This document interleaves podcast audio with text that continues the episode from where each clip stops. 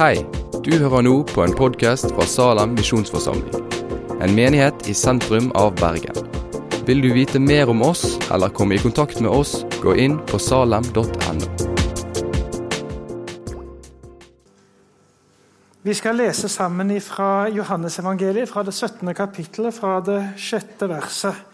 Noen vers fra Jesu ypperste prestelige bønn, som kanskje ikke er de mest tilgjengelige, men som har utrolig dyp og rik mening. Vi leser i Jesu navn.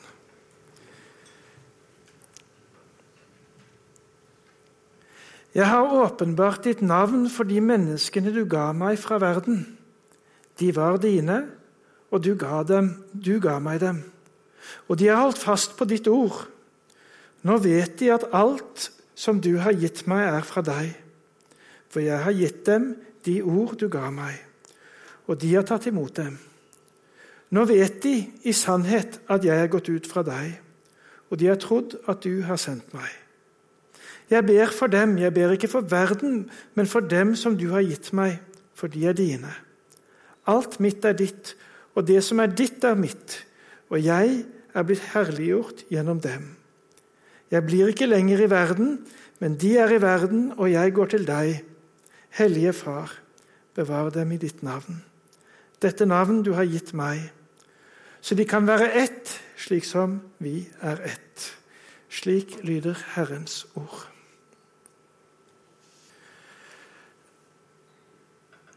Det er ikke en tekst som du setter deg ned igjen nå og så tenker du at nå husker jeg alt sammen. sant?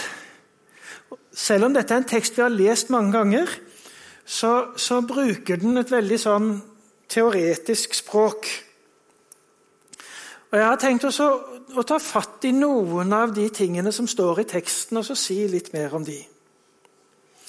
Eh, og Det første det er Guds navn. Jeg er helt sikker på at når du nå satte deg ned, så tenkte ikke du først og fremst på at nå hørte vi om Guds navn. Eh, men det gjorde du i flere sammenhenger. Eh, Jesus åpenbarer Guds navn. 'Jeg har åpenbart ditt navn', begynner teksten med. Det er liksom nesten overskriften hvis vi skulle lage en overskrift på denne teksten. 'Jeg har åpenbart ditt navn'. Eh, Guds navn er ikke bare åpenbart av Jesus, men i Jesus. Og, Her kommer vi faktisk inn på det som er en av disse mysteriene i kristentroen vår. Eh, hvem er egentlig Jesus? Hvordan kan han være Gud som var et menneske? Og så sier denne teksten noe om inkarnasjonen, om at Gud ble menneske og vandret mellom oss. Men samtidig så er dette navnet der for å bevare deg og meg. Eh, vi, vi, synger av og til 'Det er makt i de foldede hender', sant? men det er én ting til det er makt i. Det er makt i Guds navn. Guds navn står for den Gud er, men med hans navn så følger det også makt. Og Det er derfor disiplene ble lært at de skulle be Jesu navn. Eller be Guds navn. Fordi at Guds navn var, er der for den som trenger ham. Og han handler når navnet hans brukes. Det, det, det, å be kalles av og til å påkalle Guds navn. Og så er det slik at dette Guds navn, som er disse fire konsonantene på hebraisk, og som vi, uttaler, vi tror skal uttales Yahweh, som noen uttaler Jehova, eh, det, det er et navn som i jødedommen ikke ble gitt til alle. Det var ikke slik at det, eh, det var mange som, som, som, kunne på en måte bruke det navnet om seg selv. Nei, tvert imot så var dette et navn som var forbeholdt Gud.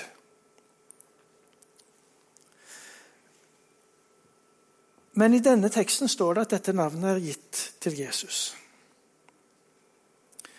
Og Så står det også i denne teksten 'Jeg er gått ut fra deg, du har sendt meg'. Og så står det 'Jeg går til deg'. Så da får vi liksom bevegelsen fra himmelen og ned på jorden. Jeg er gått ut fra deg, altså Jesus kommer ifra Gud ned til oss. Og Så står han nå på slutten av virksomheten sin, og så skal han gå tilbake opp igjen. Så Vi får, får på en måte hele frelseshistorien.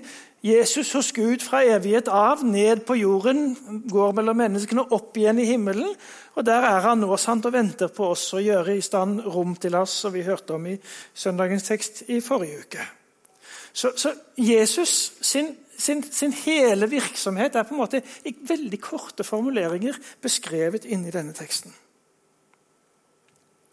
så står det også noe om det som Gud eier, og det som Jesus eier. Nemlig at mitt er ditt, og ditt er mitt. Tenker deg, Vi står her, og så, og, så, og så, ser Jesus mot himmelen og så sier han, det som er ditt, det er mitt, sier han. Og hva er det som er Guds? Jo, det er alt, sant?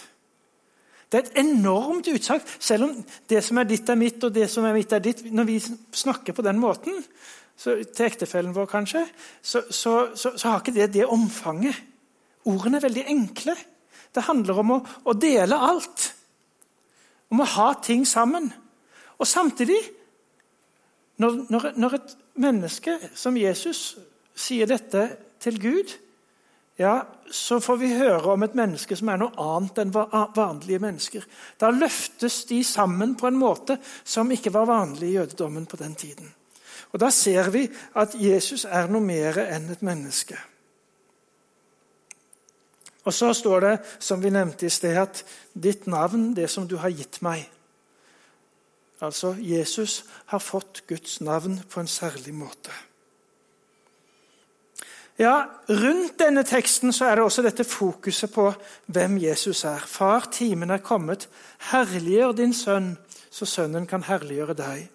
For du har gitt ham makt over alle mennesker, for at han skal gi evig liv til alle som du har gitt ham. Og Dette er det evige liv, at de kjenner deg, den eneste sanne Gud, og ham du har sendt, Jesus Kristus. Jeg herliggjorde deg på jorden da jeg fullførte den gjerning du ga meg å gjøre. Far, gi meg nå din herlighet, den herlighet som jeg hadde hos deg før verden ble til. Her ser vi hvordan relasjonen mellom Gud og Jesus beskrives veldig inngående og understreker dette enheten. At Jesus er Gud. Så de får se min herlighet, står det mot slutten av kapittelet. Den du har gitt meg fordi du elsket meg før verdens grunnvoll ble lagt, før skapelsen. Gud elsket Jesus før jorden ble til. Og så får vi en enormt høy kristologi i denne teksten. Men så er det ikke slik at denne teksten bare taler om de som er der oppe. Den taler også direkte til oss, til deg og meg, nemlig om egentlig om Kirken, om disiplene, om de som Gud ga Og den taler om å holde fast på Guds ord. De som ble gitt ved Jesus, og de som disiplene hørte på. Hører du etter? spør vi av og til. Hør nå, da, sier vi hvis vi ikke føler at noen hører etter. Men her beskrives disiplene som noen som hører Guds ord. Hører etter. Guds ord, mitt ord, sier Jesus, mine bud. Og Ofte så kommer da, eh, i hvert fall i flere sammenhenger, så kommer det dobbelte kjærlighetsbud. Elske Herren av hele ditt hjerte og elske de neste som deg selv. Og Av og til i vår tid så er det akkurat som om kjærligheten skal stå der og så være det eneste budet. Men det er ikke sånn hos Jesus. Jesus har nettopp ø, budene holder de sammen. Du skal ikke slå i hjel, du skal ikke bryte ekteskapet, du skal ikke stjele, du skal ikke vitne falsk, du skal hedre far og mor, og du skal elske de neste som deg selv.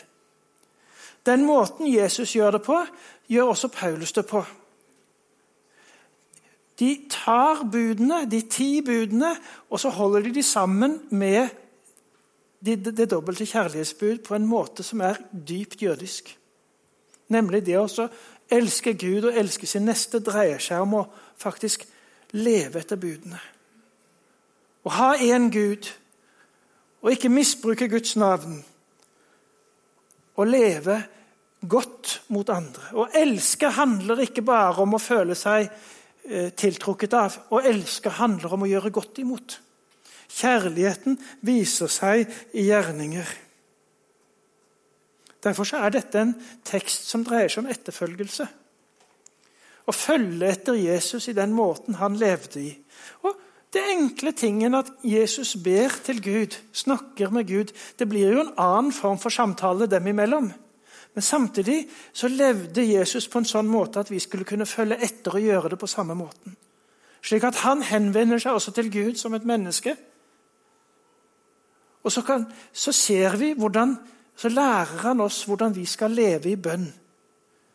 I samkvem, i fellesskap med, med Gud. Jesu bønn er jo egentlig litt rar, sant? for det er egentlig Gud som snakker med seg selv.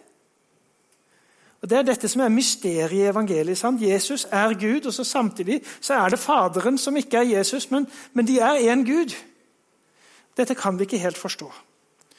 Kunne vi forstå det, så, så hadde vi nok allerede vært i himmelen. Men det viser at Gud i sitt hjerte bryr seg om oss. At Gud i sitt indre reflekterer og tenker på deg, du som sitter her, sammen med alle de andre som tror på ham. Jesus ber for sine. Ja, Det er jo derfor vi kaller det Jesus sin ypperste prestelige bønn. Og så sier han 'jeg går til Faderen'. Altså, han peker framover på det som skal skje etter korsfestelsen og oppstandelsen. Han skal gå tilbake til himmelen, til Faderen, der han hører hjemme. Han skal bevege seg vekk ifra, han skal tas opp. Og så sier han at det er menigheten som herliggjør han.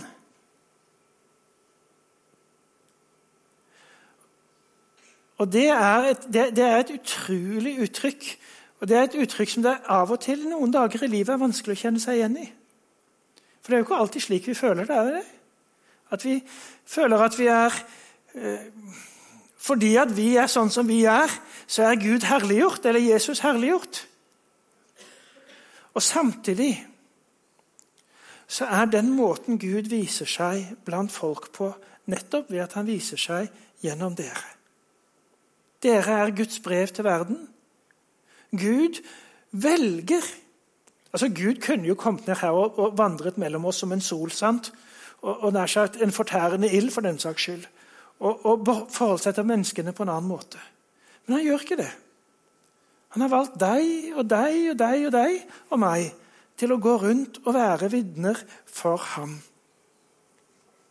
For å løfte opp Jesu navn og herliggjøre ham. Og Så sier han at dette navnet som Jesus har fått hos ham, det skal bevare oss. Gud skal bevare oss fra det onde og fra den onde.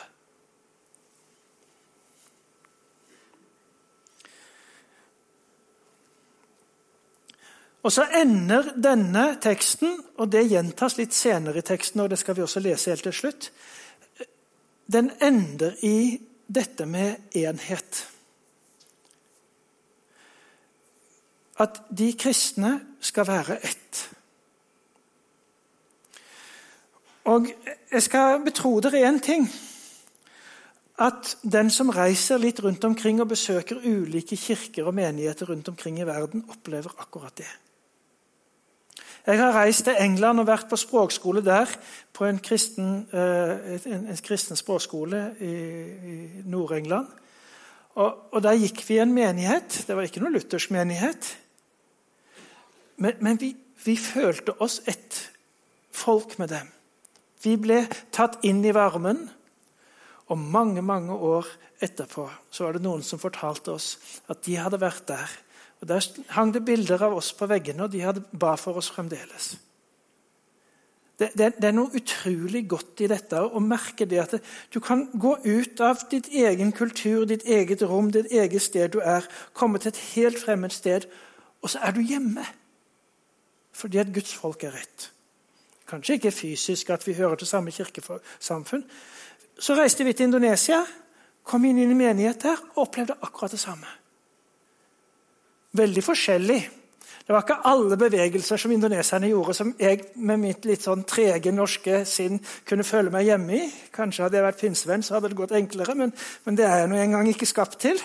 Så, så, så men, men, men, en utrolig enhetsfølelse og, og godhetsfølelse og, og, følelse av å være hjemme. Og Så flyttet vi til Singapore og kom inn i ei luthersk kirke. Og Det første som skjedde, var at det var ei eldre dame der som så at vi var fremmede. Og sa han velkommen til kirka vår.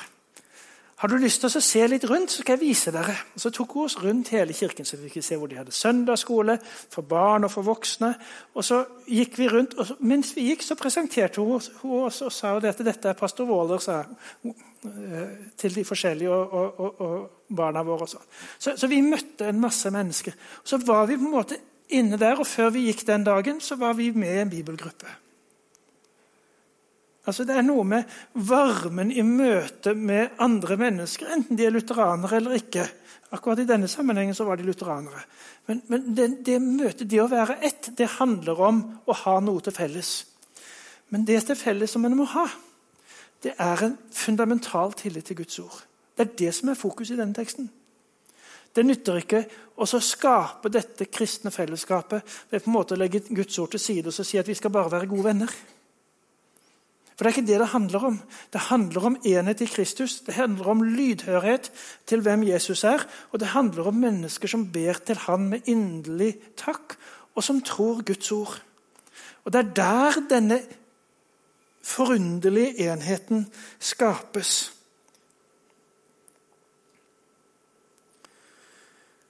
Det er ikke løsrevet, men det er i tilliten til Jesus, i bønnen til ham og i øret som hører hva Jesus faktisk sier.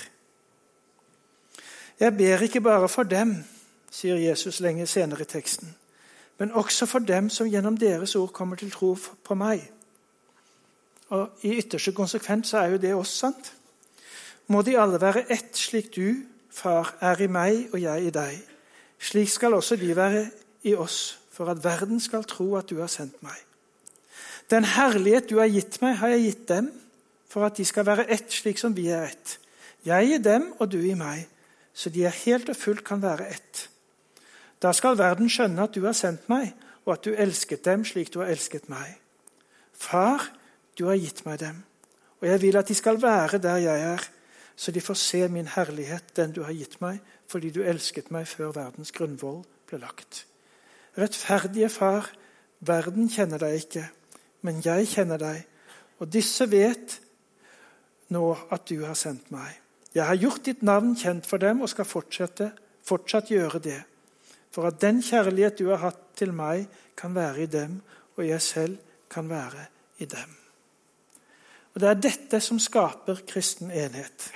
Vi deler brød, vi deler vin, vi deler Jesu legeme og blod. Vi er ett fordi at vi er ett i Jesus. Og det er de som hører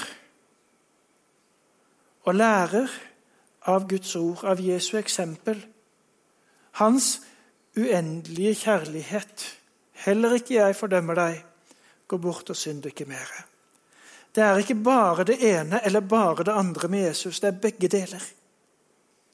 Det er både den uendelige tilgivelsen og den milde formaningen. Og det er det som skaper enhet i Kristus. Det er noe helt ufattelig nært og enkelt som vi faktisk kan oppleve her i dag. Dere med hverandre. Den enheten som Gud har gitt dere fordi at vi hører Jesus til. Skal vi be sammen.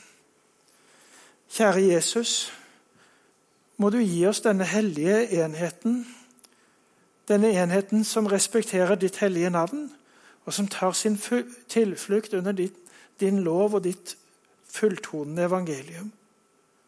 Vi ber deg, Herre, om at du må holde oss fast hos deg, om at din nåde må få lov å være det som styrer livene våre, og at ditt ord får være en lykt for vår fot og en lys på vår sti, slik at vi kan følge deg og i ditt fotspor og ende opp i himmelen fordi du har frelst oss dit.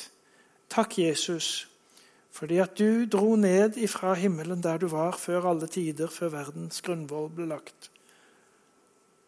Gav livet ditt for våre synder og er i herlighet hos Faderen og venter på oss og gjør i stand plass for oss der. Takk, Jesus, fordi at du kaller hver enkelt som sitter her, hjem til deg i himmelen. Amen.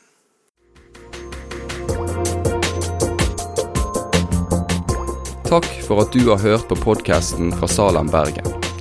I Salem vil vi vokse i et stadig dypere fellesskap med Gud og med hverandre.